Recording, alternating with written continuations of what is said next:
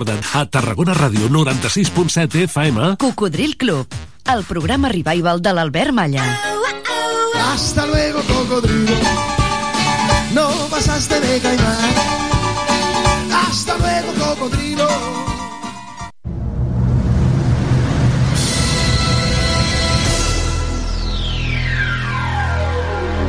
Cada dissabte a les 10 de la nit... En cabina, DJ Parry. DJ Parry, el DJ resident de Tarragona Ràdio, t'ofereix la millor selecció musical perquè et montis la festa allà on vulguis. Els darrers èxits musicals els trobaràs a Tarragona Ràdio, cada dissabte a les 10 de la nit i amb DJ Parry. Prova-ho i repetiràs.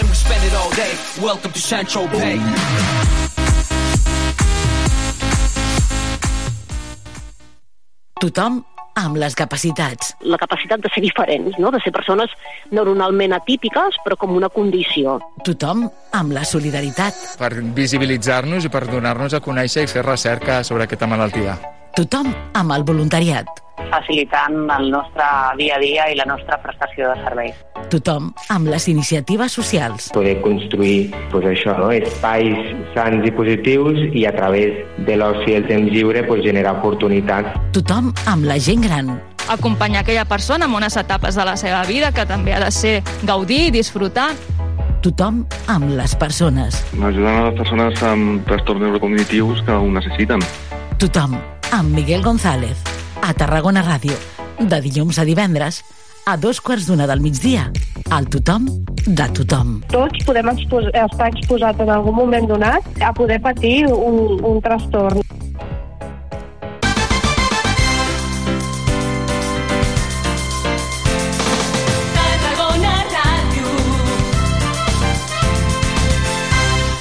Les 11 del matí i un minut, benvinguts al Mercat d'Estiu.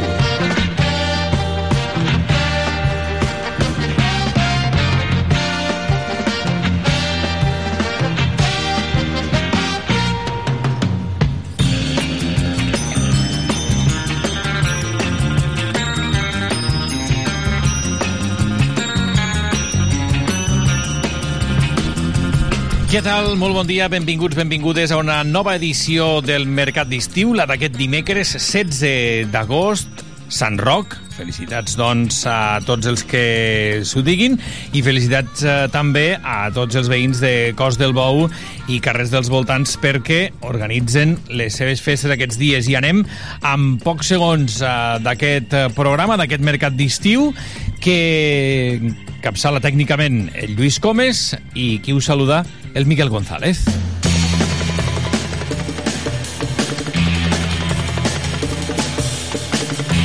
Marxarem de seguida cap al cos del Bou que celebra aquest dimecres la diada del seu patró. Ara ha de tenir lloc l'anada ofici cap a l'església de Sant Francesc. Després eh, ens ocuparem d'altres qüestions. Parlarem amb el portaveu de la Federació Empresarial d'Hostaleria i Turisme de la demarcació Xavier Guardià.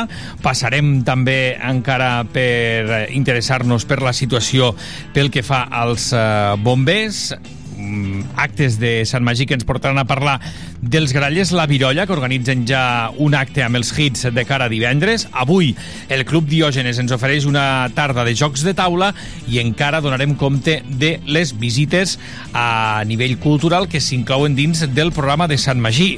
I alerta perquè aquesta tarda els portants de l'aigua ja enfilen cap a la Brufaganya per anar a buscar l'aigua que arribarà a la ciutat divendres. De tot això en parlarem al programa, però avui ràpidament, més ràpidament que mai, hem de començar perquè ens esperen a Cos del Bou. Mercat d'estiu. Entrevistes fresques i de quilòmetre zero a Tarragona Ràdio.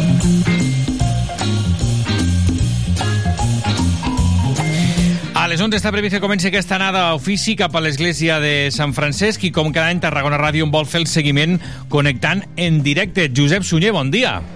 Bon dia, Miquel. Quin ambient es respira a la zona? Doncs mira, a punt de sortir ja, a punt de sortir a l'ofici, eh, encapçalat eh, pels elements del seguici, d'aquí del cos del Bo, evidentment, i, i, i jo m'ho ben acompanyat eh, amb, la, amb la pubilla d'enguany, la Lídia, i amb les, mira, el, el, Canó. el tro, el, el canó, el Joan Carles Petit, que ja ha fet de les seves, eh, que va al capdavant amb el canó, que per tant vol dir que ja ha començat. Lídia, què tal? Bon dia. Molt bon dia. La pubilla d'enguany, contenta? Eh, la pubilla d'enguany aquí a Cos del Bou, contenta, no? Sí, doncs sí, la veritat, aquí estem. A anar a la missa ara i a fer el nostre paper. Bé, ves que has donat el, el callo aquests dies, eh, perquè la veu es nota una miqueta, eh? A tope, no? Sí, fent barri aquí tothom. De festa i ajudant i tot. Mira, eh, ella és la pubilla, la Lídia, també s'acompanya la, la Núria i la Ènia. Núria, què tal? Bon dia. Bon dia. Ènia, què tal? Bon dia. Bon dia. Són les dames d'honor. Què tal? Això serà molt honor. Bé, mira, també acompanyar la pubilla perquè no es quedi sola a fer les, a fer les activitats i fer barri, també. No heu parat aquests dies, no? No heu parat aquests dies, eh? No, no, aquí no s'hi pot parar. Has de col·laborar en tot el que es pugui, intentar ajudar i fer barri tot el que puguem. Encara queda avui, eh, Lídia? Sí, encara ens queda la missa i després vindre i disfrutar de la xaranga que, i, i el vermut. El vermut amb els sacabamolls, eh? Van a Miquel a Bombano cadascuna, eh? Perquè fa una caloreta, semblava que plouria, però no, eh? Noies, que vagi bé, d'enhorabona. Gràcies. Gràcies. Moltes gràcies, igualment. Mira, em vaig a veure, Miquel, a la Tecla Amigó, aquí ha la família Romeu, eh, al, al complet, pràcticament amb la bandera de la Mare de Déu, tota la família Romeu al complet, però no hi són tots, però gairebé tots, eh? I tinc amb mi la Tecla Amigó.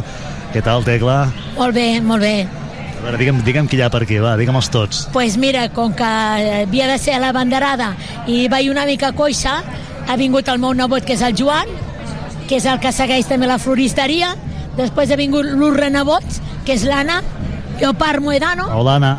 hola, i el Pau, que és germanet, que també és renebot, Pau Llopart. Bueno, quin goig no voler portar la bandera del cos del bou. Clar, són molts anys també col·laborant, eh, guarnint amb les flors la... Enguany m'han fet, enguany m'han fet un munt de festa. M'han fet, m'han regalat una estàtua de, del canó, molt bonica, un ram de flors, vull dir, molt, una festa molt bonica, molt bonica. I tu a peu de canó, eh? Jo molt contenta per seguir i, i moltes gràcies de que pensin en nantros. Tecla, disfrutar-ho, que vagi molt bé. Moltes gràcies. Joan, pesa molt la bandera o no? No gaire. És un orgull, no, portar-la? Sí. Content? Molt, molt. Molt, de, molt content. Ara sortir, eh? Que vagi bé. Gràcies. Adéu, Anna. Hola. Hola i adéu. Vols dir alguna cosa per la ràdio? Hola. Hola. Hola. que vagi bé, adéu. Adéu, Tecla. Adéu, gràcies. Mira, el, el pregó... Miquel, qui va fer el pregó de, del cos del bou? Ostres, Pep, Miquel, qui va fer el pregó del cos del bou? A veure, ara he quedat fatal perquè Mira, no ho dic, t'ho dic jo, mira, escolta la seva veu, a veure si la, si la coneixes. Digue sola. Hola, bon dia. Bon dia. Et sona Miquel o no? Josep Pep Bertran. Pep Bertran, efectivament, el pregoner d'enguany Sí, i que, sí, i sí, que ara va sí. la bandera de, de Sant M'has Roc. agafat fora de lloc, total, que- Mira, estem en marxa ja. Pep, content o què? Sí, home, molt content que t'ofereixin portar aquesta bandera és un honor i portar-la un privilegi. Jo estic molt content. Qui t'acompanya, banda i banda? Doncs eh, dos dels meus fills, el Gorka i l'Arnau. Que també van sortir al pregó, eh? Perquè també vas dir que és un goig, no? Eh, tenir vincles, tens vincles personals aquí al cos del bou i tus fills, evidentment, també amb la colla i el barri. Bueno, sí, de fet són els culpables de, de la vinculació en el barri, que és una mica el que explicava en el, en el pregó, que tota la relació que tinc aquí va començar per feina i de mica en mica doncs, va anar convertint en una relació personal i molt maca i molt entranyable. Fer un pregó és una d'aquelles coses boniques que et toca fer la vida, no? Sí, i, i més aquest pregó, que és una mica, doncs, eh, com deia jo també ahir, el, el rovell de l'ou, el cos de l'ou és una cosa especial, no? Ja es veu, pels que no som d'aquí jo crec que ja es veu, però pels que estem per aquí que ho veiem, ho veiem cada any i per això que deia, doncs molt content, molt content de fer el pregó i de portar avui la bandera. El Gorka et diu que no corris. Perdó? És tendència a córrer, el Gorka et diu que no corris. S'ha d'anar a poc a poc. Mira, mira darrere, mira darrere, que, que tenim, tenim, a, tenim a, a Sant Roc, allà encara, encara, encara sortim. Bueno, escolta, que vagi molt bé disfrutar-ho. Et donen una bandera però no et donen un retrovisor, no veus. Gorka, Arnau, gràcies, que vagi molt bé. Merci. Vinga, Gorka. Dia, adéu, vagi bé.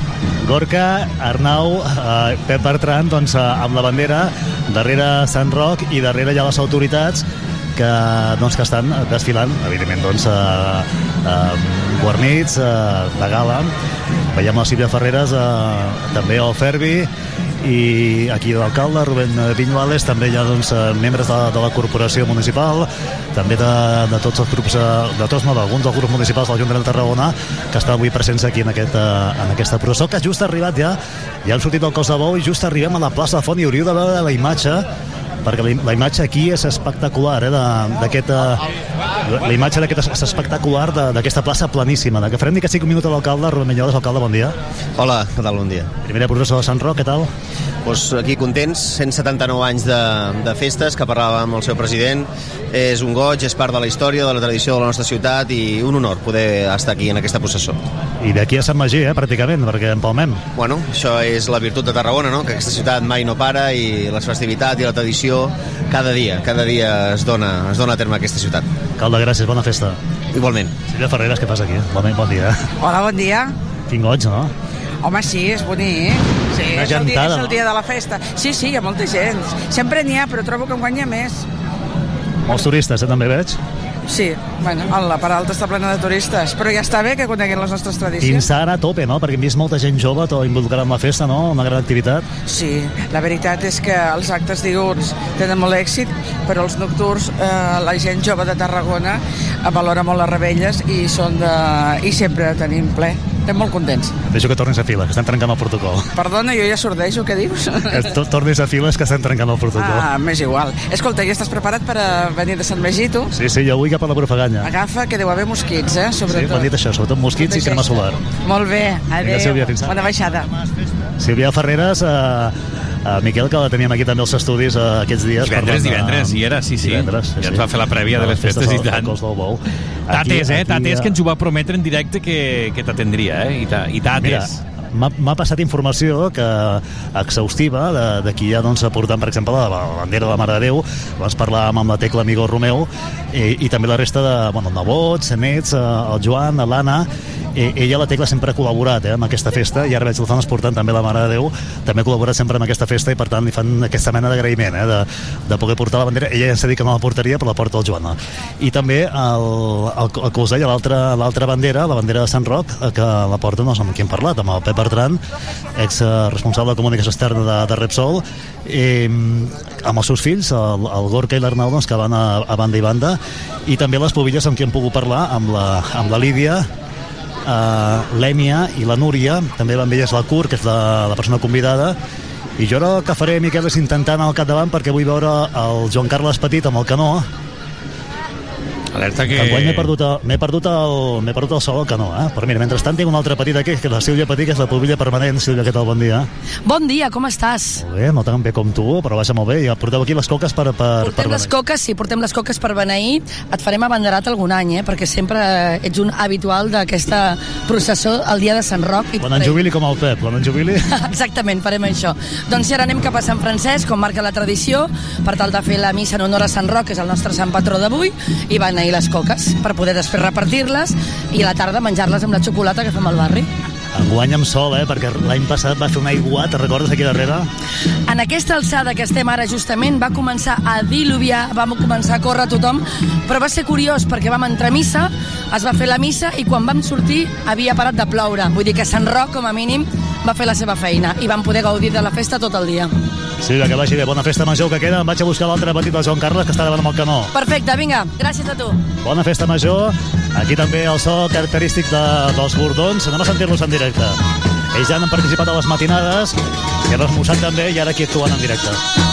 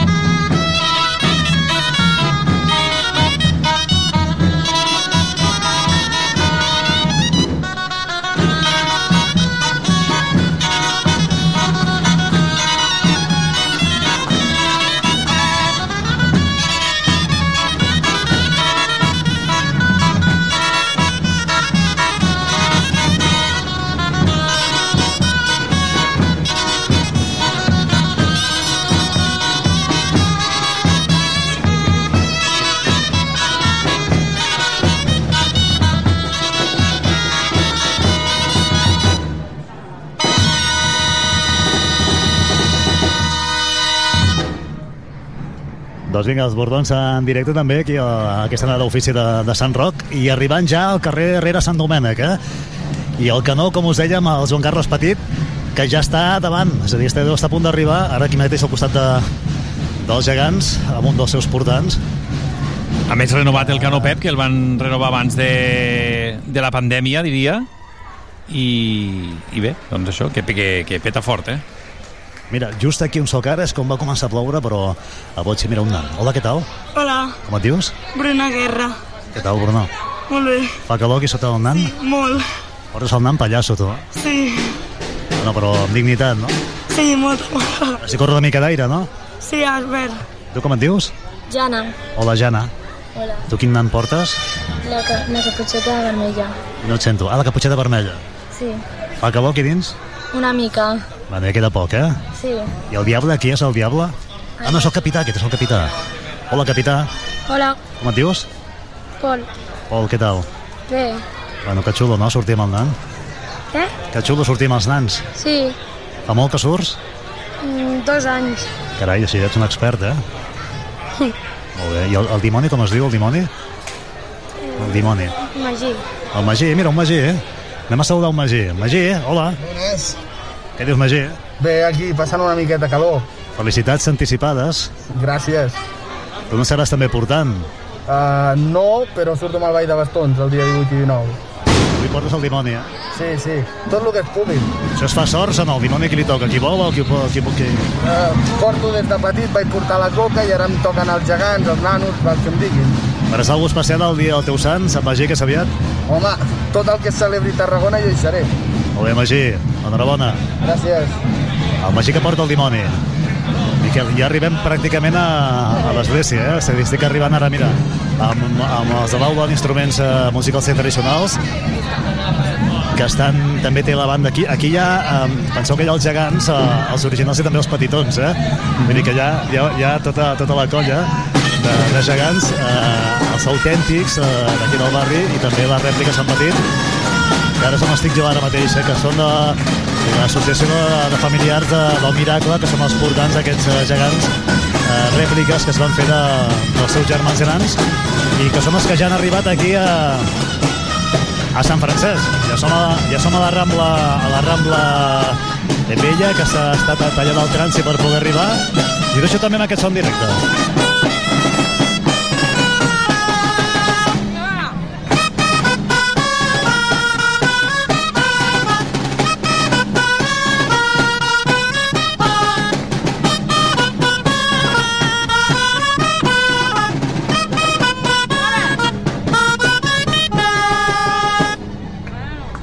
Doncs aquests uh, joves també uh, de l'aula de música tradicional i popular amb la Roser Oliver, que també estan amb ells eh, tocant, i ara que ja hem arribat vaig a buscar, mira, el Joan Carles, el canó anem a buscar el canó a veure, Joan Carles què tal, Joan Carles? Hola, bones, bon dia a tothom. Jo, aquest any està ràpid, eh?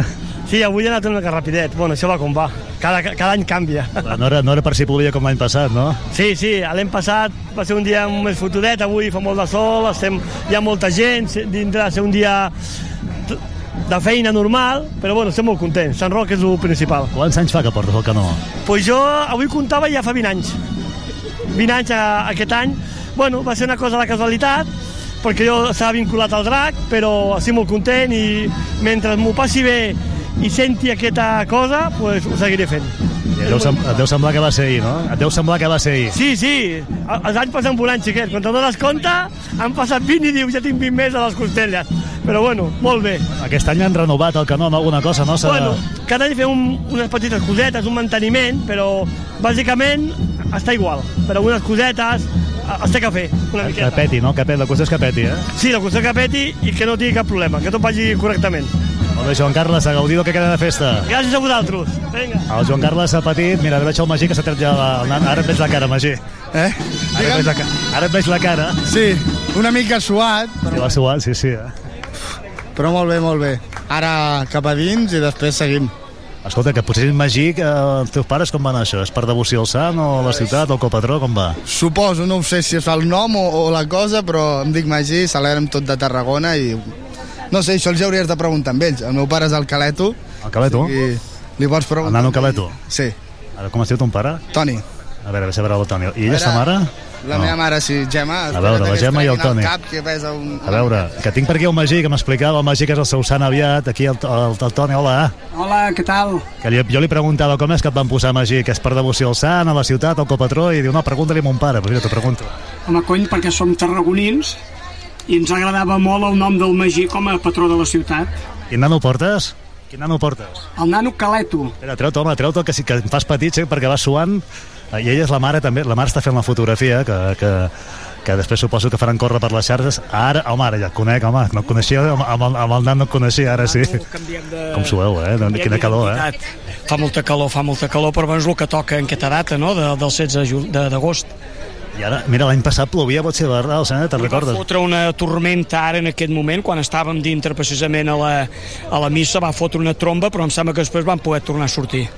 Escolta'm, el cos del bou, a Sant Roc avui, una festa que també es viu, viu molt intensament, però ja a les portes de Sant Magí, avui els portants tiren cap amunt, vindrà l'aigua divendres, no?, i Sant Magí, per un tarragoní com tu, que més té un fill que es diu Magí, deu ser una cosa bonica, no? Bueno, sembla una mica, a Sant Roc és una mica les portes no? de, de Sant Magí, és allò el preàmbul on ja comencen a sortir elements del seguici, on retrobes tota la gent de, de grups no? i d'elements no? festius de, del seguici, i bueno, és una mica l'aperitiu i això ja no té, no té, no té solució de continuïtat ja hasta, hasta Sant Magí, i quan acabi Sant Magí ja li fotrem cap a Santa Tecla. El nom Palmar, eh? d'aquesta ciutat empalmem una festa amb l'altra. Recorda'm el nom, que me'n recordo. Toni Guerra. Toni Guerra. Toni Guerra. Toni, gràcies. Bé, gràcies. Adéu, Magí. Adéu, que vagi bé. Magí, hem trobat un Magí per aquí. Mira, el, tinc també el, el Magí de les Timbales, eh, que com l'any passat també és un ruc català que, que n'hi ha molt pocs, en queden molt pocs, eh? cada cop en queden menys. I l'any passat recordo que el, el responsable del ruc ens explicava la seva història, no sé si és el mateix, el, però aquí tinc el, el, aquest ruquet amb el que ara tots els nens es fan la fotografia, eh? amb aquest uh, ruc català, que és el Magí, el Magí de les Timbales. El que no sé si hi ha el Maginet de les Timbales per aquí, però no, no, no, no, no el veig de moment. Ara han, han entrat a l'interior de, de Sant Francesc, s'han quedat aquí els gegants exposats fora i han entrat a la, a la, a l'església. Mira, tinc l'Arlet aquí. Hola, Arlet, què tal? Bé, I tu com et dius? Neus, Sou portants de, de quin element, a veure? dels gegants petits vells. Si sou del, del Miracle, per tant, eh? estudiants del Miracle, no? de l'escola Miracle, i porteu... I què tal, portar un gegant d'aquests pesa molt? Sí. Tu quin portaves dels dos? Què? Quin has portat dels dos? La geganta.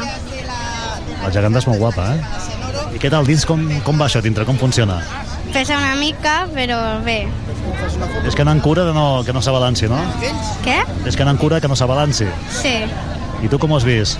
Mm, bé, però a vegades l'has de mantenir de peu perquè se't pot caure. Tu quin portaves, també la geganta? La geganta. Molt bé, i ara Sant Magí, no? D'aquí res, quatre dies Sant Magí.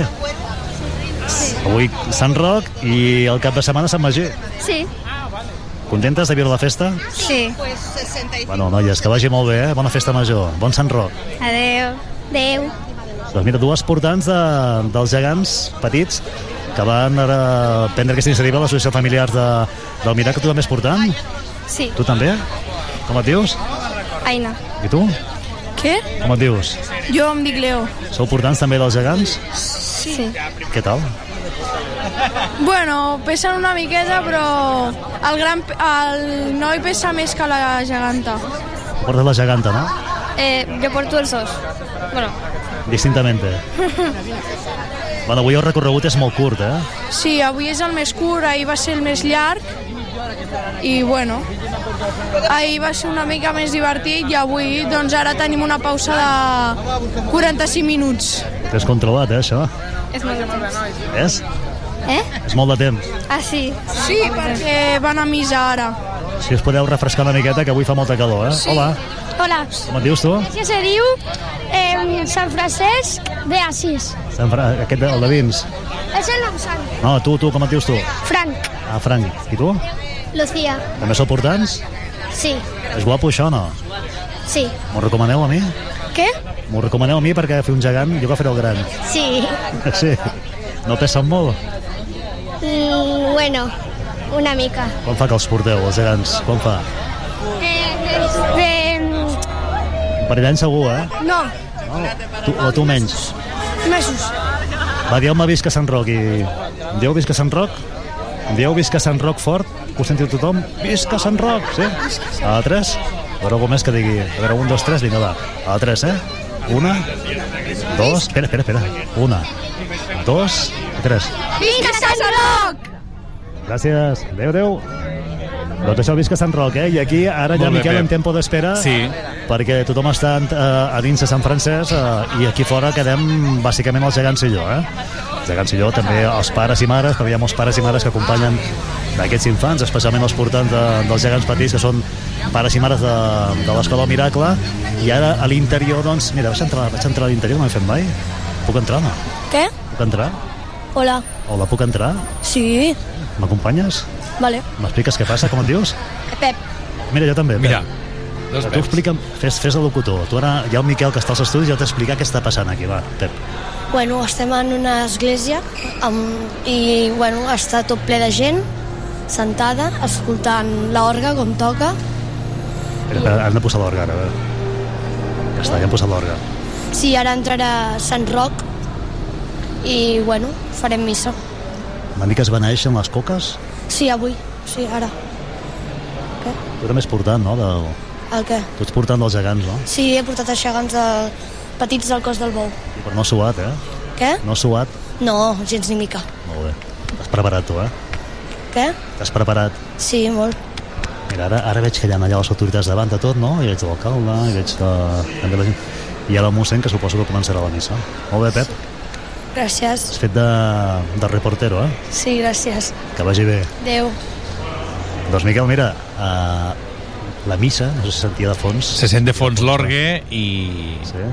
I ara sentia unes paraules, però no sé, no veig, no veig, no veig qui les pronuncia, eh? però deu estar a punt de començar Mhm. uh, la missa i després farà la tornada, que la tornada és el mateix que hem vist ara, però a l'inversa i enguany, uh, enguany sense pluja. Espera, mira, Sílvia, informa'm, eh, les coques on es beneixen les coques? Què passa aquí ara? Doncs ara mateix farem la missa normal, bueno, farem, no, la farà el capellà, evidentment, es fan les lectures de Sant Roc i llavors es beneeix la coca de sucre, que és habitual del dia de la festa del nostre patró, i una vegada beneïdes portem unes safates amb trossets que repartim per tothom. I llavors, qui en vulgui comprar, al barri les venem no recordo si és un euro o un euro i mig, i es pot comprar i menjar la coca beneïda. I a la tarda, doncs, berenar amb la xocolata. Ep, I abans teniu la millor xaranga a nivell nacional, eh? Això és un momentàs per nosaltres perquè, mireu, fa 9 anys que tenim els tocabemolls al barri, quan pràcticament no eren molt coneguts, els van portar i va ser un amor a primera vista. Ells, per ells, és una actuació molt especial. A més, ens van explicar ahir que estrenen 8 o 9 cançons avui, entre elles Quevedo, per exemple. Vull dir que serà una actuació, tothom ho espera, tindrem el carrer ple, i és un dels moments per nosaltres, per la gent de la Junta, perquè d'alguna manera aparquem les nostres funcions de cambrers, organitzadors, i ballem la xaranga. I es forma una unió de barri, la, la típica conga, vull dir que és tan bonic perquè allí demostra que som un barri molt unit, i és molt xulo. Us convido a tothom que vingueu. Això a quina hora serà?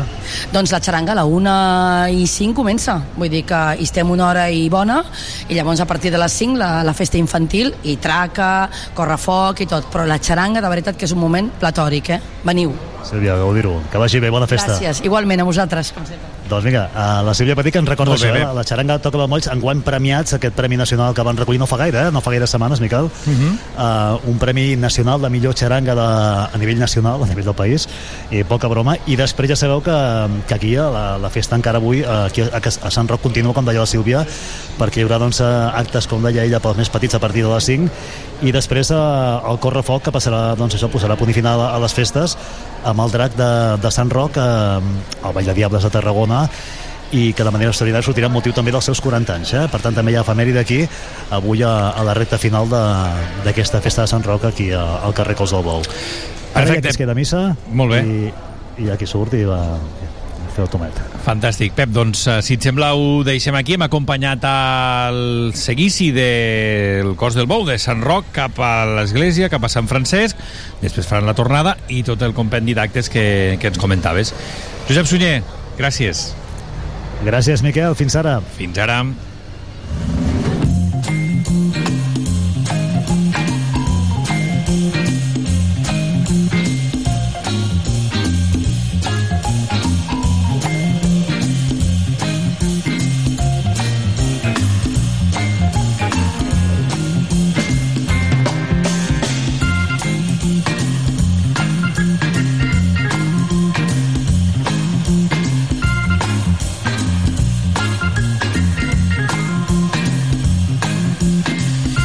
Deixem de banda les festes un momentet i tornarem després a parlar de Sant Magí, Sant Roc, que ara hem fet el seguiment d'aquesta anada a ofici, perquè ens volem interessar també per com ha anat aquest pont del 15 d'agost pel que fa al turisme a la nostra demarcació. Saludem a través del telèfon al portaveu de la Federació, de la Federació Empresarial d'Hostaleria i Turisme de Tarragona, el Xavier Guardà. Senyor Guardià, molt bon dia.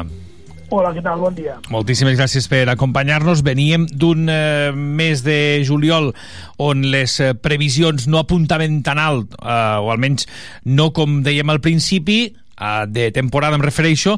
Quina valoració en feu d'aquest agost, amb aquest pont que, que hem acabat, eh, vaja, ahir, avui, pràcticament? Bé, és, és veritat que el juliol no va arribar a les expectatives que teníem, també és possible que tinguéssim unes expectatives molt altes perquè la temporada a Setmana Santa va començar molt forta, però sí que és veritat que l'agost, diguem-ne, s'ha comportat com un agost normal, podríem dir.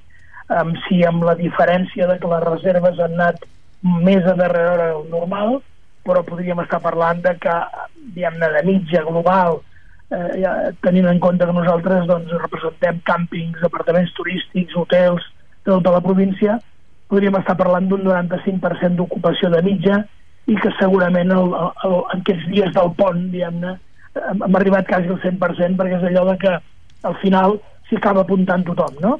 Perquè aquell que no fa vacances doncs escapa tres dies. Estem parlant de molt de client de proximitat. Entenc, doncs, que el pont ha estat, eh, clau, ha estat com una mena de punt d'inflexió no? de, del que teníem fins ara uh, i no sé si això també marcarà el que queda de mes d'agost. Bé, jo crec que tampoc és tan important que li posem el cartell de, de complet. Eh? Jo crec que cada vegada hem d'anar més a intentar buscar eh, un preu mig bo i amb una ocupació bona, però que el nostre repte no ha de ser omplir, perquè al final, quan omples, tampoc segurament el client no acaba d'estar del, tot, eh, del tot satisfet, perquè ha de fer cues, eh, té més trànsit, llavors diguem no pot gaudir possiblement tan bé com podria gaudir estan a lo millor a una, una ocupació més baixa. Però el que està clar és que hem de donar servei a tots els clients, però també tots ens hem de guanyar la vida. Eh, llavors aquest equilibri és un equilibri complicat. Però el que sí és veritat és que jo crec ara hem d'esperar a veure què passa al setembre i l'octubre, perquè com que deia aquest any eh, les reserves amb molt darrere no podem dir en cap moment com es presentarà les sensacions, i sempre parlem de sensacions les sensacions és que poden ser dos mesos que funcionin bé, però hem d'esperar a veure quins són els resultats i jo crec que al final podrem tancar una temporada no excel·lent com potser pensàvem al començament, però sí una bona temporada.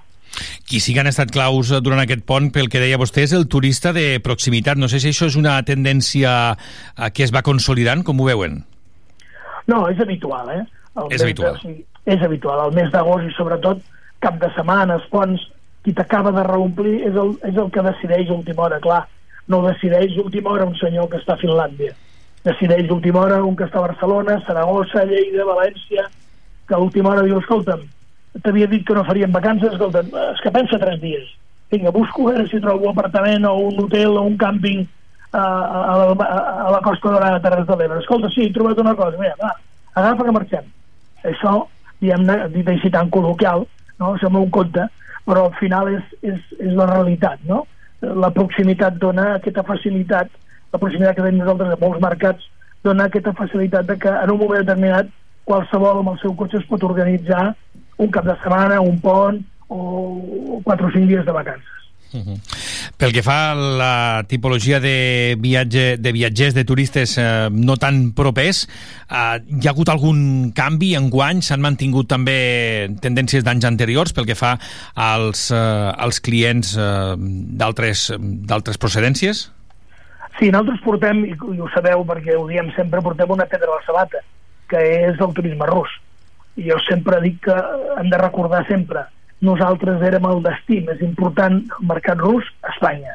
Vol dir, on venien més russos de tota Espanya, ni a Canàries, ni a Balears, on més venien era la costa de la Terres Clar, perds un mercat d'aquest nivell i es, es, vulguis que no fa trontollar tot el, tot el mercat. Llavors, mancant aquest, la resta de mercats estan funcionant com havien de funcionar.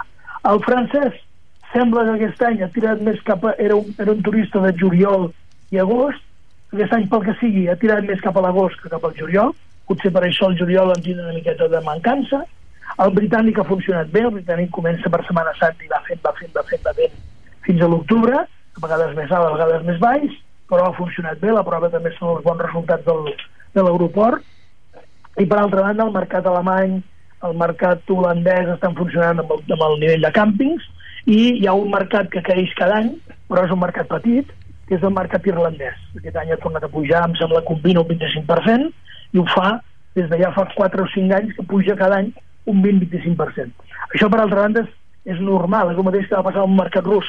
Quan en un mercat triomfes, corre la veu.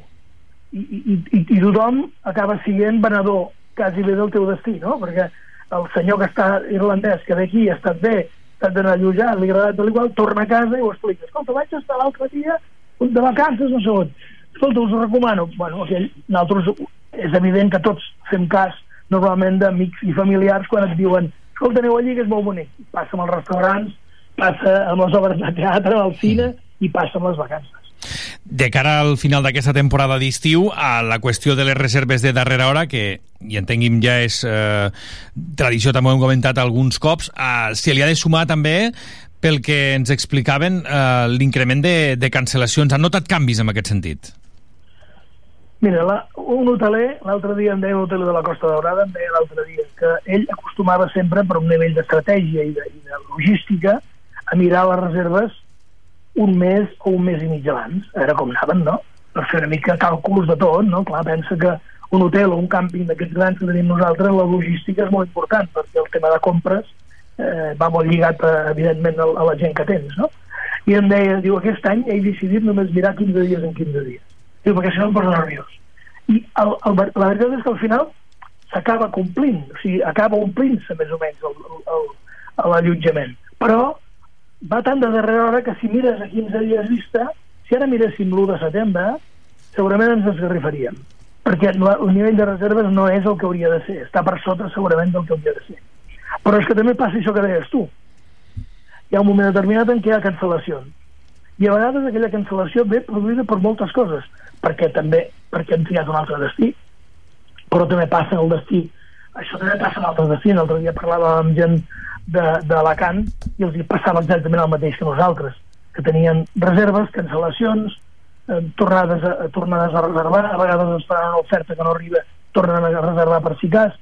És un món cada vegada no acostumat més des de la pandèmia també a anar darrere hora i també hi ha una altra cosa que és molt certa des de l'actualització i la, la sortida de, de, de les plataformes tipus Booking que n'hi ha diverses eh, la, la informació que hi ha és brutal i la rapidesa en la que pots fer una cancel·lació o pots fer una reserva també és impressionant.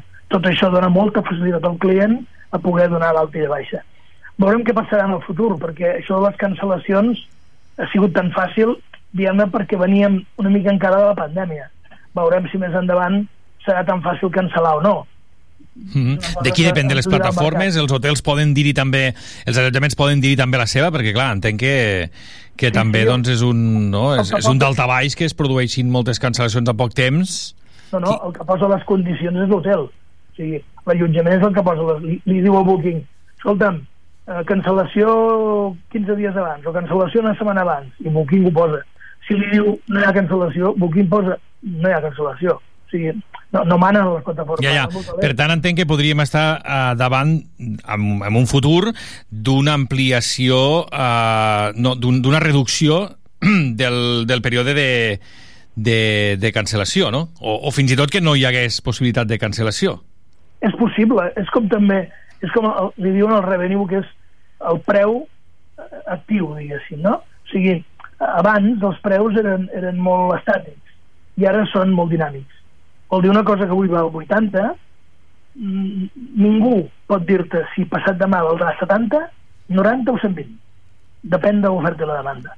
Clar, això aquest sector abans no, no ho feia servir gaire perquè era molt anquilosat i feia servir molta l'operació, molta gent de viatges, no hi havia tant de client directe des de que el client directe he romput just amb les plataformes aquestes que hi ha, és més, o sigui, l'hoteler es mira molt més quin és el preu de sortida.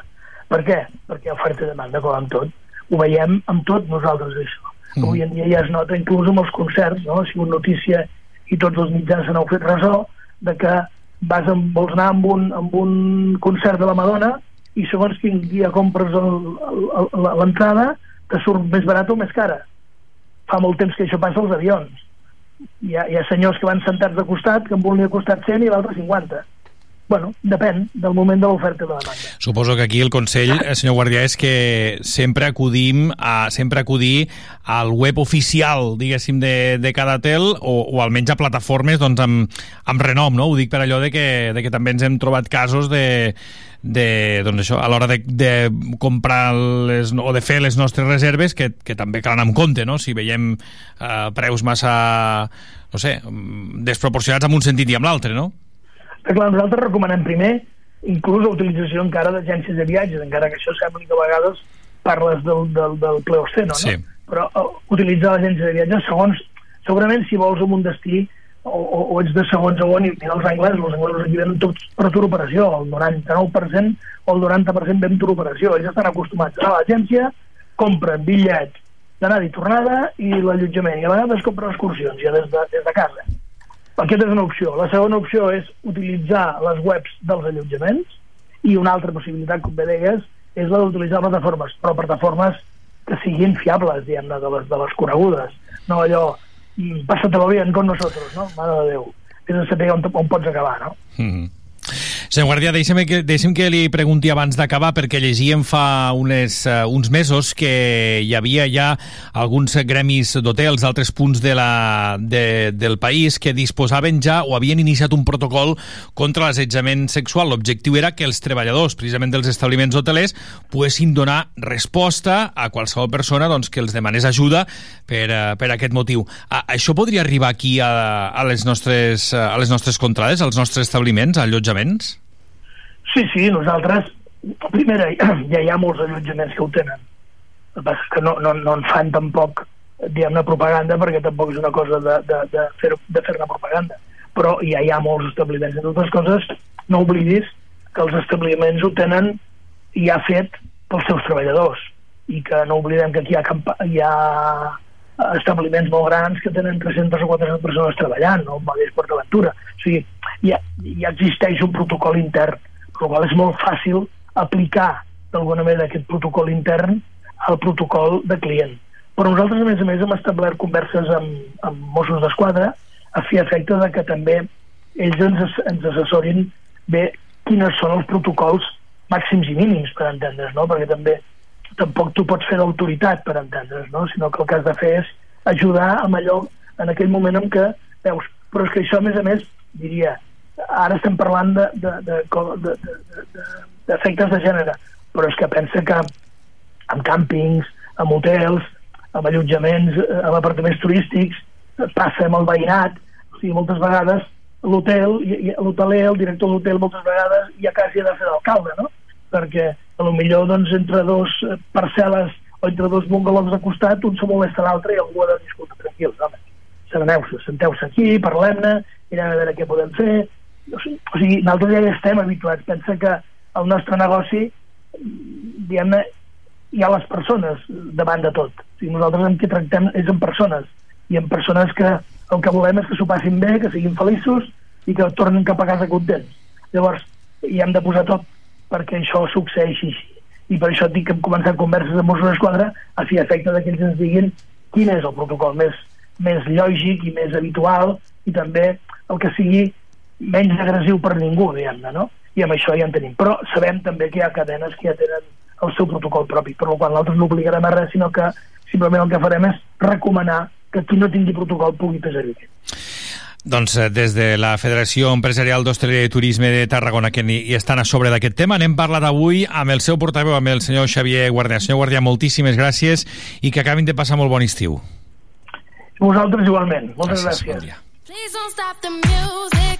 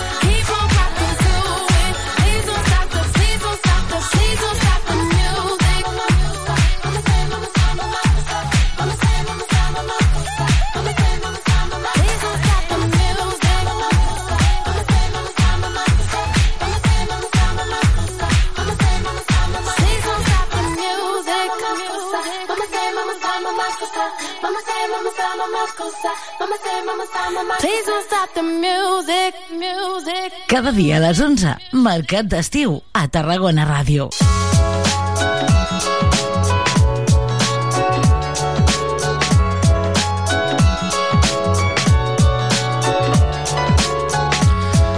Onze minuts i seran les 12 en punt del migdia. Més continguts al magazín d'estiu, al mercat d'estiu a la sintonia de Tarragona Ràdio. Estem de ple en la campanya d'incendis forestals.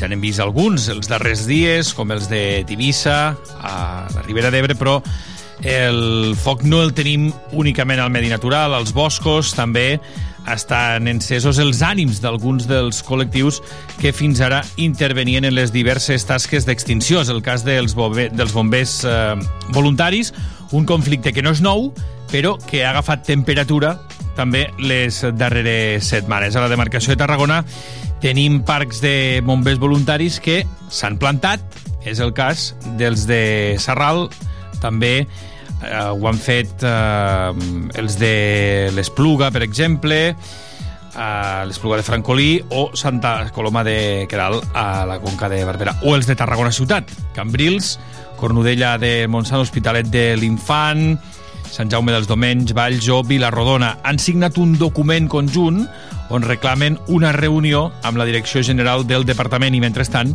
estan en situació de no disponible. Eh, parlem amb un d'ells, amb l'Òscar Saladia, del Parc de Sant Jaume dels eh, Domenys. Òscar, molt bon dia. Hola, molt bon dia. Moltíssimes gràcies per atendre'ns. Explica'ns quins són, a grans trets, els motius d'aquesta plantada tant de, doncs això, de, de bombers voluntaris, aquest no disponible. Eh, bé, com has dit al començament, eh, és arrel d'una situació que tenim des de fa ja anys, o sigui, no és una cosa que hagi aparegut ara, però finalment, doncs, a, a nivell de la regió d'emergència Tarragona, que som els parcs que has nombrat, però també a, arreu de Catalunya, de totes les regions d'emergències que conformen el sistema a Catalunya, doncs hem dit que ja n'hi havia prou i que volíem solucions eh, ja. Eh, entre les eh, demandes que tenim, la bàsica i comuna que ens uneix a tots els bombers voluntaris és el fet de que, pel fet de ser bombers voluntaris, la nostra cobertura sanitària i què pot passar en cas de que patim un accident, doncs no està ben resolta. El que volem és que des de la Direcció General, des de la Generalitat, d'una vegada per totes, resolguin aquestes mancances no en relació que puguin tindre el risc d'un accident, perquè són bombers voluntaris, són bombers, i sabem, assumim que podem tindre un accident. El que no volem continuar assumint són les repercussions que aquest accident pot tenir pel fet de que no estem coberts com correspondria mm, en relació a que som eh, bombers i que fem uns serveis eh, de risc. Uh -huh. Tot això ve del juny, quan la Direcció General va presentar públicament precisament la, la proposta d'actualització del model i sense consultar-ho prèviament amb vosaltres? Això és lo detonant, penso jo.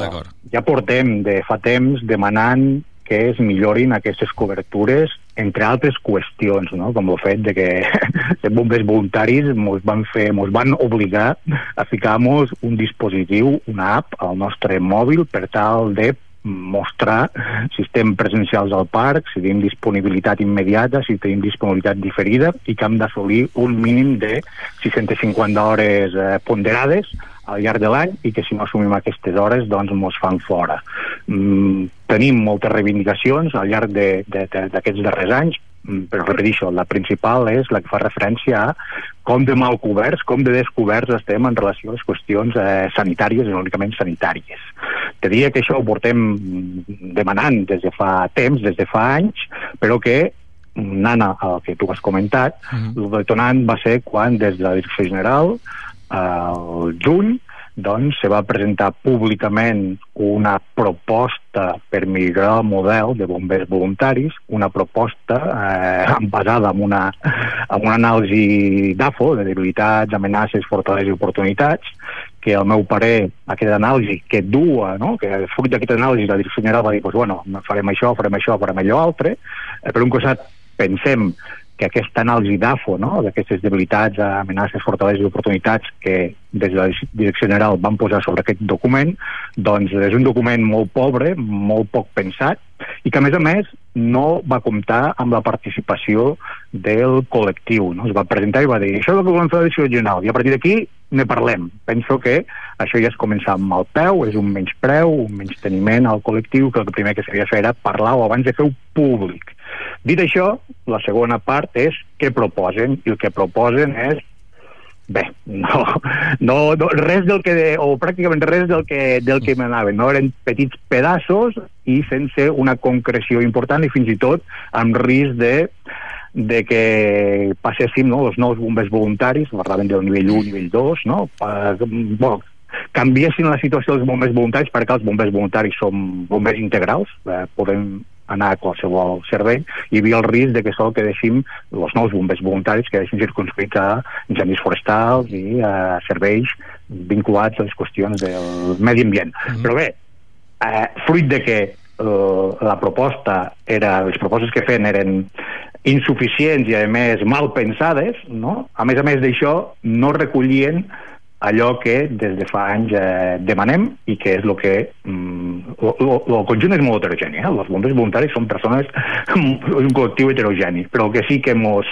uneix el que sí amb, la cosa, amb la cosa que estem totalment d'acord és que eh, estem mal coberts la cobertura pel que fa sanitari i tot el que se'n deriva d'un possible accident d'una possible invalidesa i fins i tot la mort és el que no està ben resolt mm. i això és el que volem que quedi resolt i la manera de resoldre-ho quina seria? Pues, té inseguretat social. Ara mateix, si patiu un accident en acte de servei, què passa? Perquè dieu en el comunicat que s'han donat casos de companys ferits en servei i que després els ha arribat una, una factura a nom seu. Eh, sí, per un costat està... A veure, nosaltres quan ens passa alguna cosa hem d'anar amb una, una mútua, no? Sí. Però passa, nosaltres no tenim una mútua. Nosaltres el que hi ha és que la Generalitat té uns diners que destina a pagar amb aquesta mútua en el cas, en el cas de que un bomber voluntari li passi alguna cosa. Però realment nosaltres no tenim una mútua, com pot tindre un, una persona professional de qualsevol, de qualsevol feina. Coses que ens hem trobat poques vegades, però ens hem trobat que vas a la mútua aquesta i et diuen, vostè qui és?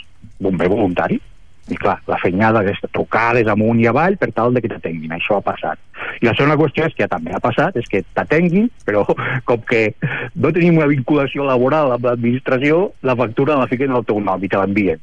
Òbviament, trucades amunt i avall, de moment ningú ha pagat aquesta factura, però el que no és de rebut és que una persona que fent tasques de bombers hagi fet mal, que vagi a, atendre's, atendre's a, a, a l'atenció mèdica i que després eh, li enviïn la factura a casa. Eh, això es resol, però no és de rebut que s'hagi de perdre temps aquesta persona patint perquè li arriba la factura a casa, que el seu cap de part o el seu representant de la regió, trucant a qui sigui de més amunt, hagin de moure's a l'Iterra per tal de dir, no senyors, aquesta factura s'ha d'enviar a la Generalitat, que és el que, el que acaba passant. La Generalitat mm, uh, paga en alguns casos, no sempre, eh? Vull dir, mm. això és una altra història, molt més llarga.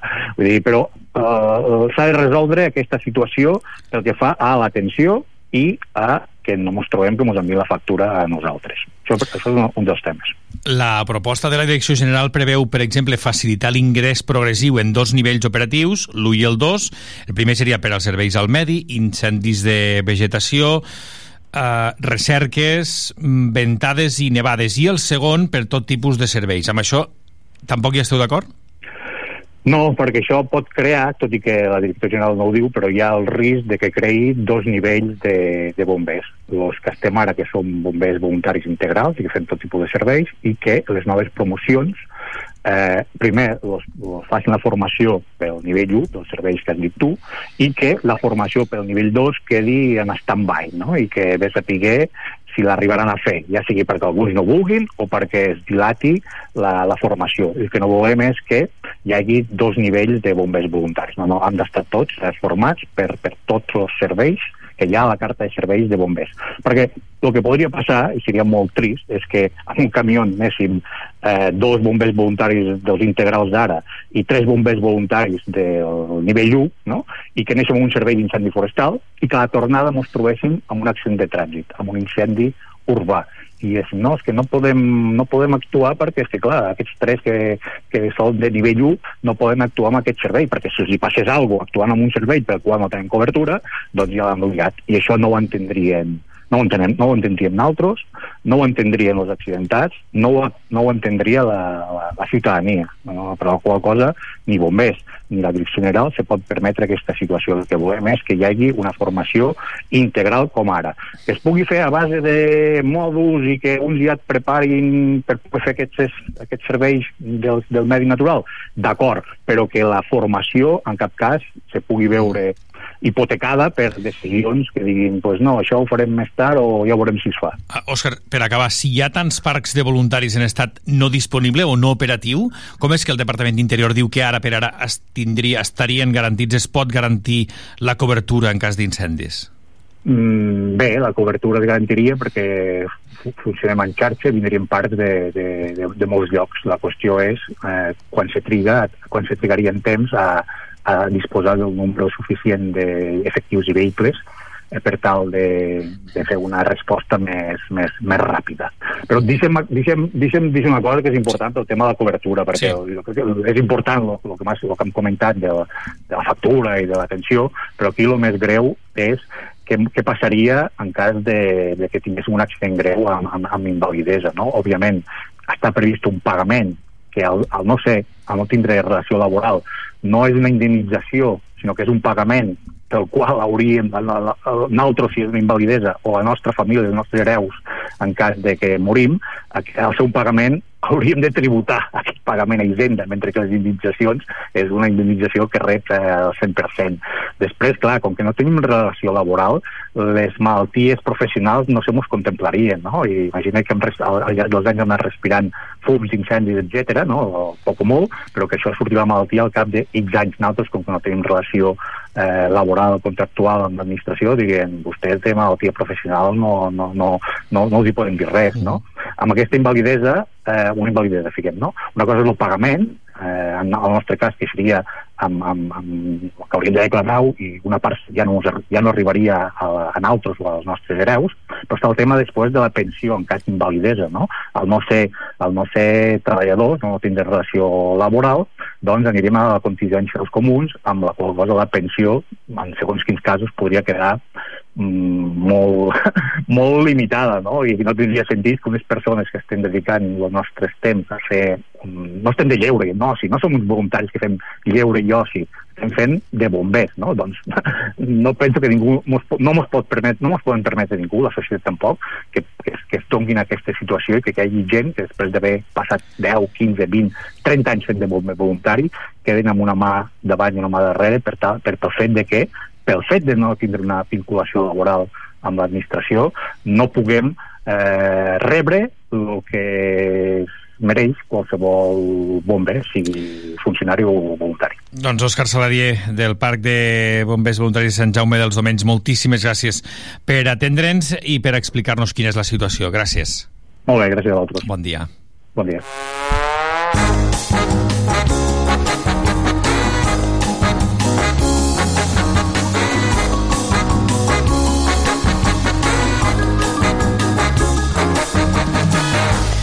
Un minut per sobre de les 12 en punt del migdia, 28 graus de temperatura a l'exterior dels nostres estudis i avui, una miqueta més tard del que és habitual, moment per explicar-vos eh, el que destaquem a nivell molt general d'aquest eh, 16 d'agost, a banda de ser Sant Roc, a banda de que estem en plenes festes de Sant Magí, a banda de que, hores d'ara, doncs imagino que deu estar ja a punt d'acabar aquest ofici i la tornada del seguici de Sant Roc, però per moltes eh, persones que els hi agrada el tema dels parcs, eh, per exemple, parcs temàtics o qüestions relacionades amb l'adrenalina, avui se celebra el Dia Internacional de la Muntanya Russa.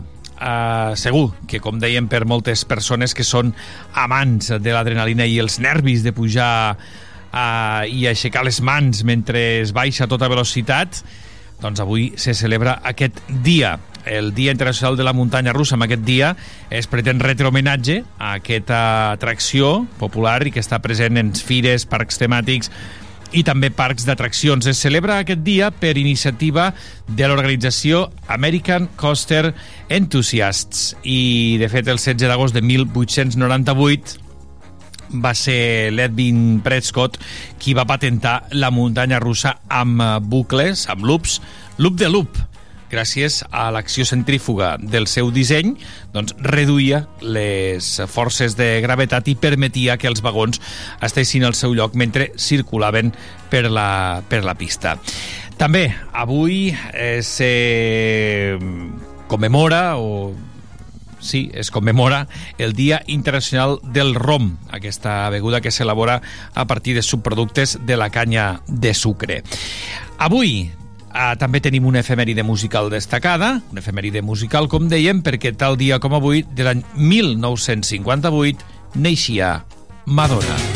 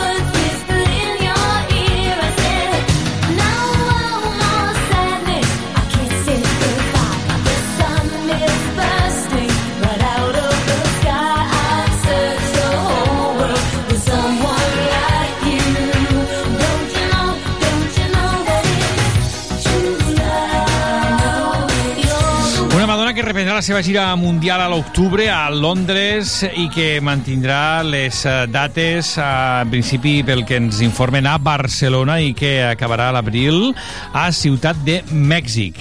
Després que hagués de suspendre la, la gira, o ajornar-la, en aquest cas, a, al juny, després de diversos dies a l'UCI per una infecció bacteriana greu. L'artista nord-americana, doncs, que avui fa anys i que manté les actuacions l'1 i el 2 de novembre a Barcelona. Si en sou fans, doncs ja ho sabeu. Ara, amb la música de Madonna, continuem el mercat d'estiu, 12 i 6, passem un momentet per publicitat i de seguida ens anem a escoltar música de gralla.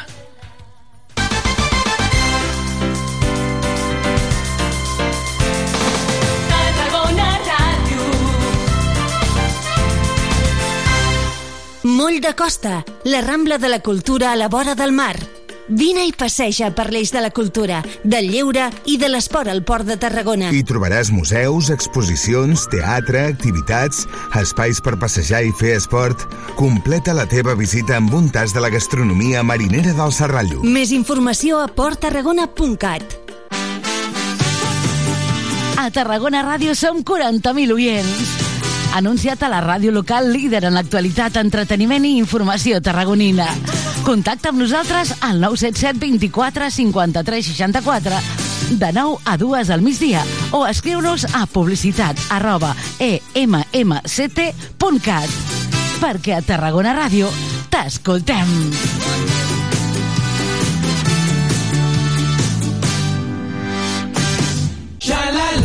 Este verano, estés donde estés, encontrarás un supermercado Spar cerca de ti. Descubre todas las ofertas que tenemos preparadas para que disfrutes de los mejores precios. Encontrarás un gran surtido de productos frescos, helados, bebidas refrescantes, protección solar. Todos ellos de primeras marcas del mercado, además de nuestra marca propia, Spar. Ven a conocernos. En Spar te lo ponemos muy fácil.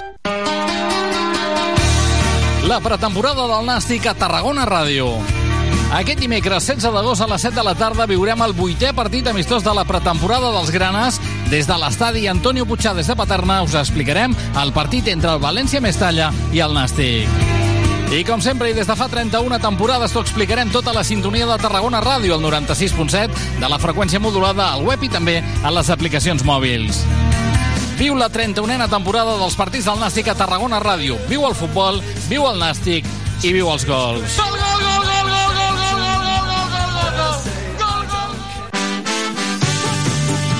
Tarragona Ràdio som 40.000 oients.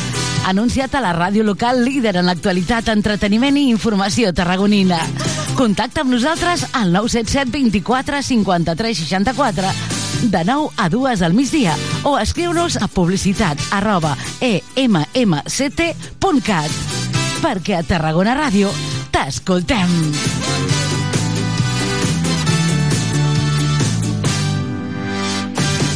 Cocodril Club. Si t'agrada la bona música dels anys 60, 70 i 80, escolta Tarragona Ràdio les tardes de dissabtes i les de diumenges de 4 a 6. És el temps del Cocodril Club. Tot un clàssic de la ràdio, amb les bases del pop-rock, les llegendes, les cançons que s'han convertit en autèntics himnes. Recorda'n, a Tarragona Ràdio 96.7 FM... Cocodril Club, el programa revival de l'Albert Malla. Hasta luego, cocodrilo. No pasaste de caimán. Hasta luego, cocodrilo.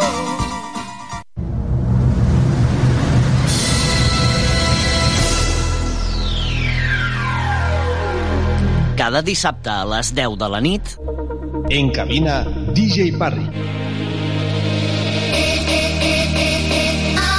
DJ Parry, el DJ resident de Tarragona Ràdio, t'ofereix la millor selecció musical perquè et montis la festa allà on vulguis. Els darrers èxits musicals els trobaràs a Tarragona Ràdio, cada dissabte a les 10 de la nit i amb DJ Parry. Prova-ho i repetiràs.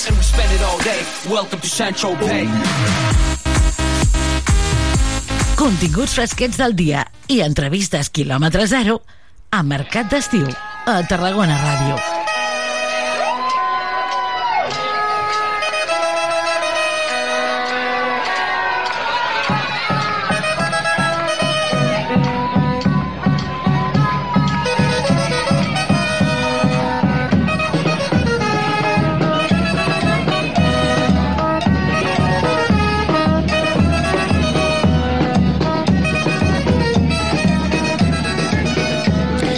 Els grallers La Virolla organitzen per divendres el Vermut dels Hits. El grup de grallers eh, local compleix enguany eh, 10 anys i ho volen celebrar i, de fet, eh, nosaltres en volem parlar amb ells. Saludem un dels seus membres, el Xavier Magrinyà. Xavier, molt bon dia.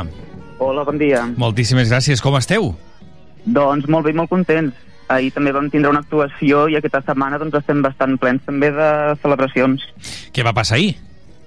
Doncs ahir vam estar um, al Cos del Bou a les festes de Sant Roc i bé, vam fer el tot el Ball de Gralles, que ja, hi vam, ja és el segon any que hi anem, i al cap de setmana doncs, també vam tindre actuacions a Solivella i a Roda de Barà.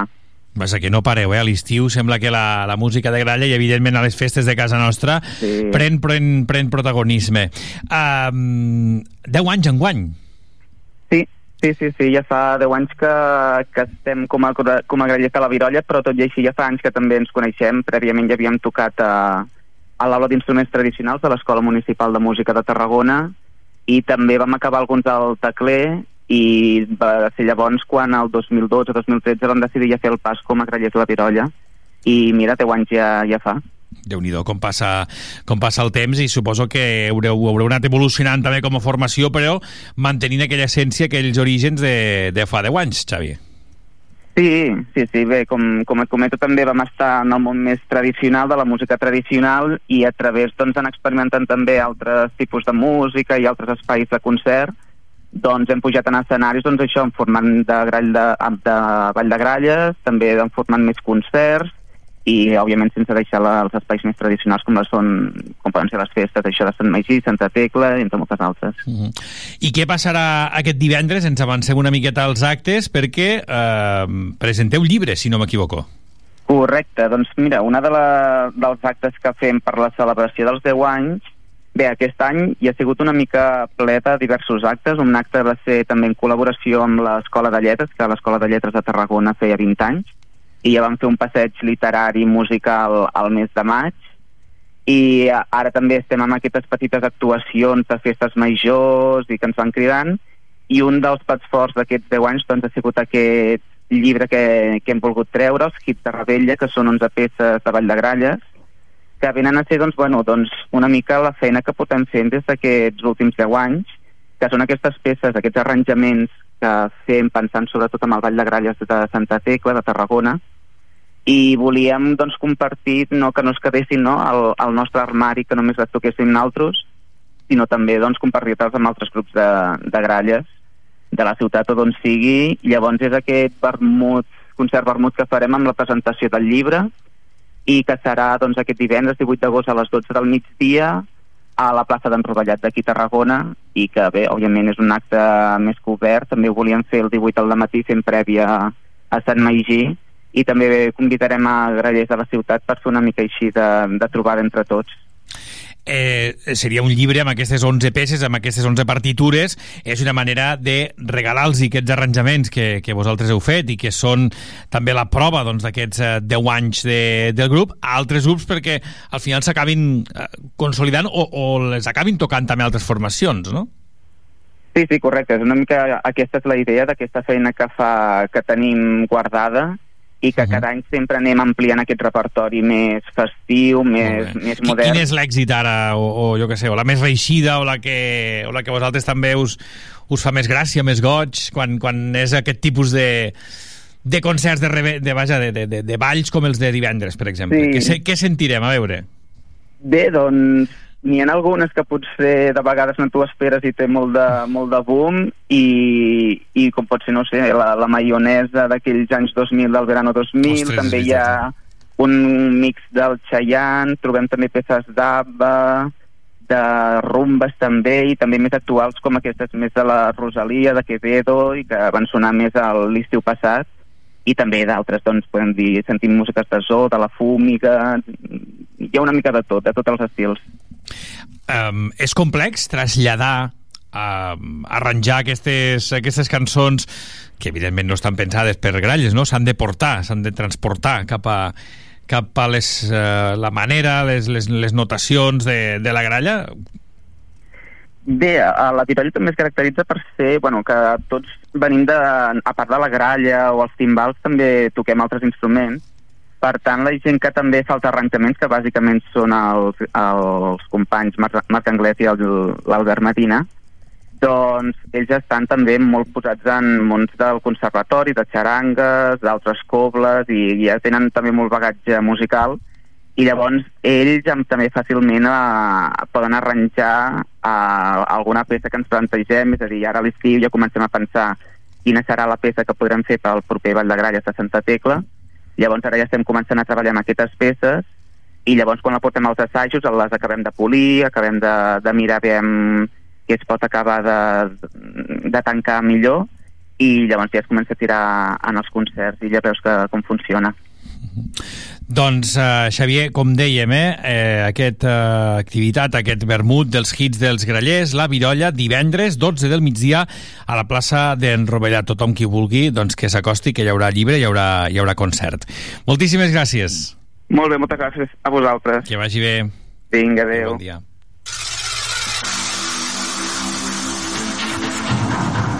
C'est comme une gaieté, comme un sourire, quelque chose dans la voix qui paraît nous dire viens qui nous fait sentir étrangement bien. C'est comme toute l'histoire du peuple noir qui se balance entre l'amour et le désespoir. Quelque chose qui danse en toi.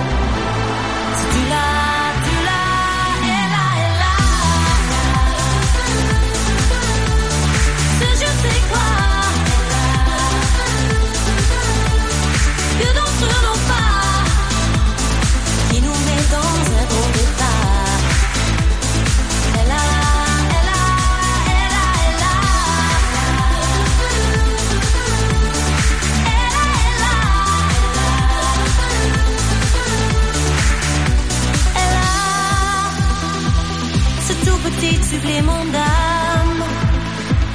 C'est indéfinissable charme. Cette petite flamme. Sur des que Dieu peut te mettre entre les mains. Montre ton rire ou ton chagrin. Mais que tu n'es rien, que tu sois roi, que tu cherches encore les pouvoirs ne s'achète pas. Tu l'as,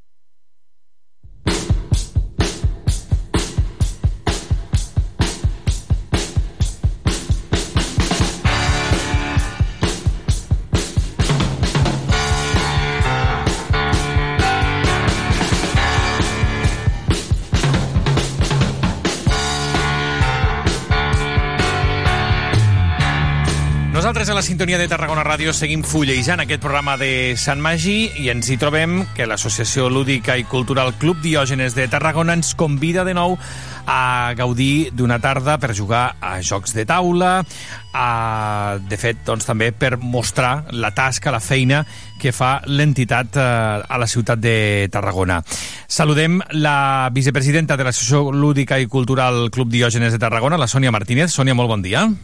Hola, bon dia. Moltíssimes gràcies per acompanyar-nos. No és el primer cop, eh? De fet, us veiem ja per Sant Magí, per Santa Tecla, posant doncs, a disposició els jocs de taula per qui els vulgui provar, per qui vulgui jugar. És una manera també de fer-vos visibles, no? de mostrar el que feu i de que la gent us, us continuï coneixent.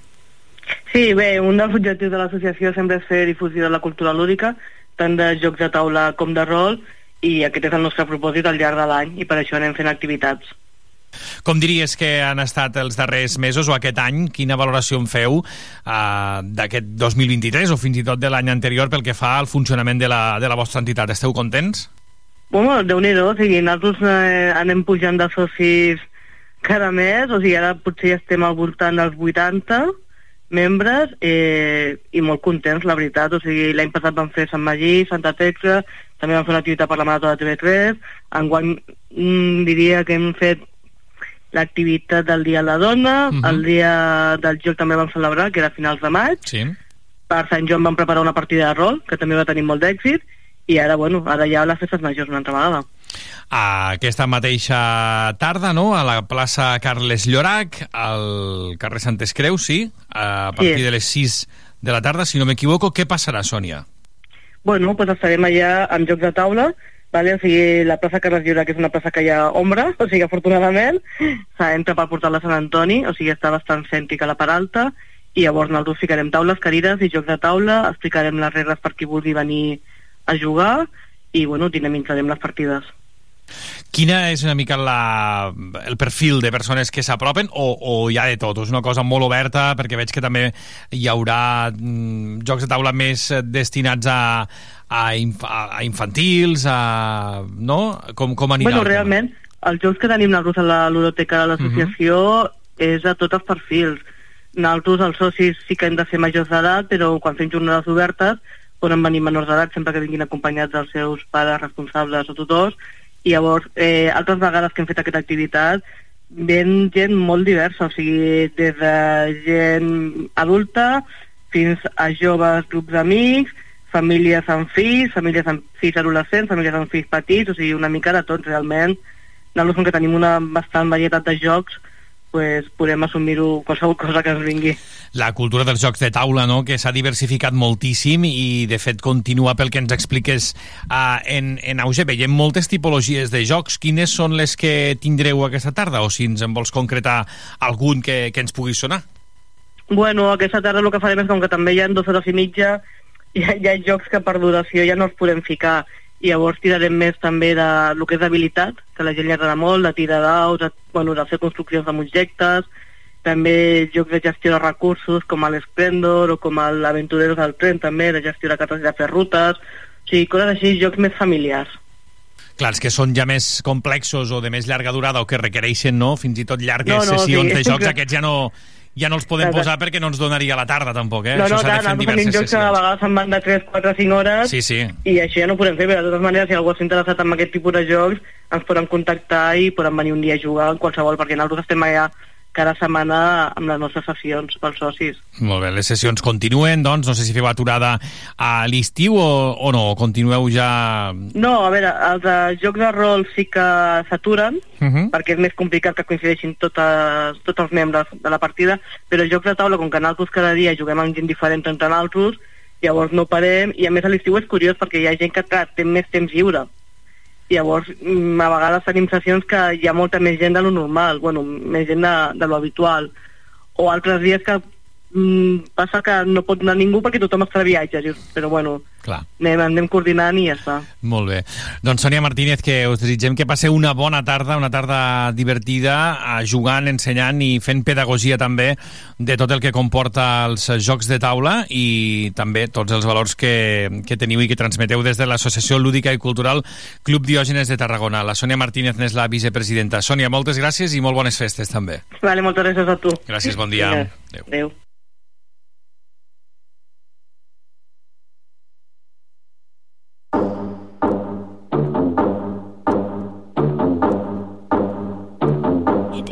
Take it to the verse now.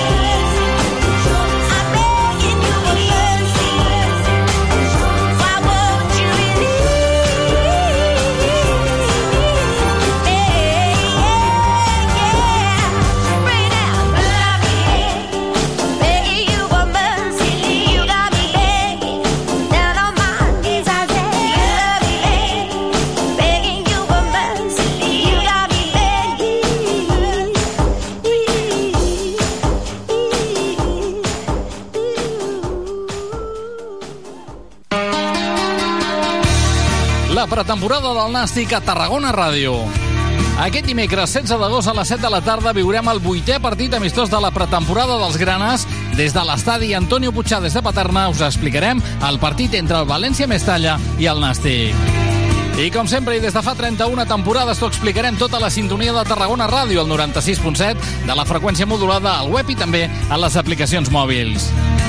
Viu la 31a temporada dels partits del Nàstic a Tarragona Ràdio. Viu el futbol, viu el Nàstic i viu els gols. Gol, gol, gol, gol,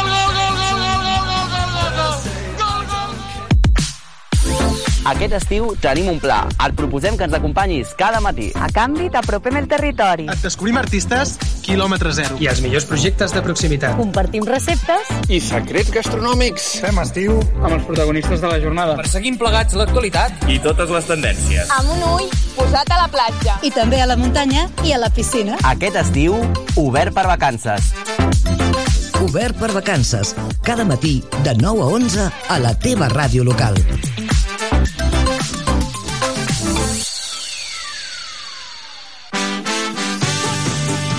Tarragona Ràdio som 40.000 oients. Anunciat a la ràdio local líder en l'actualitat, entreteniment i informació tarragonina.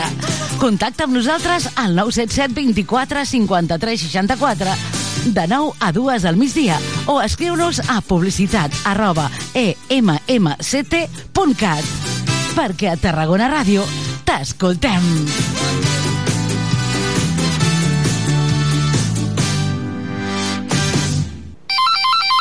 Telèfon verd, digui'm. Vull llançar un moble vell. Què he de fer? Telèfon verd 977 296 222. La ciutat com t'agrada amb una trucada. Ajuntament de Tarragona.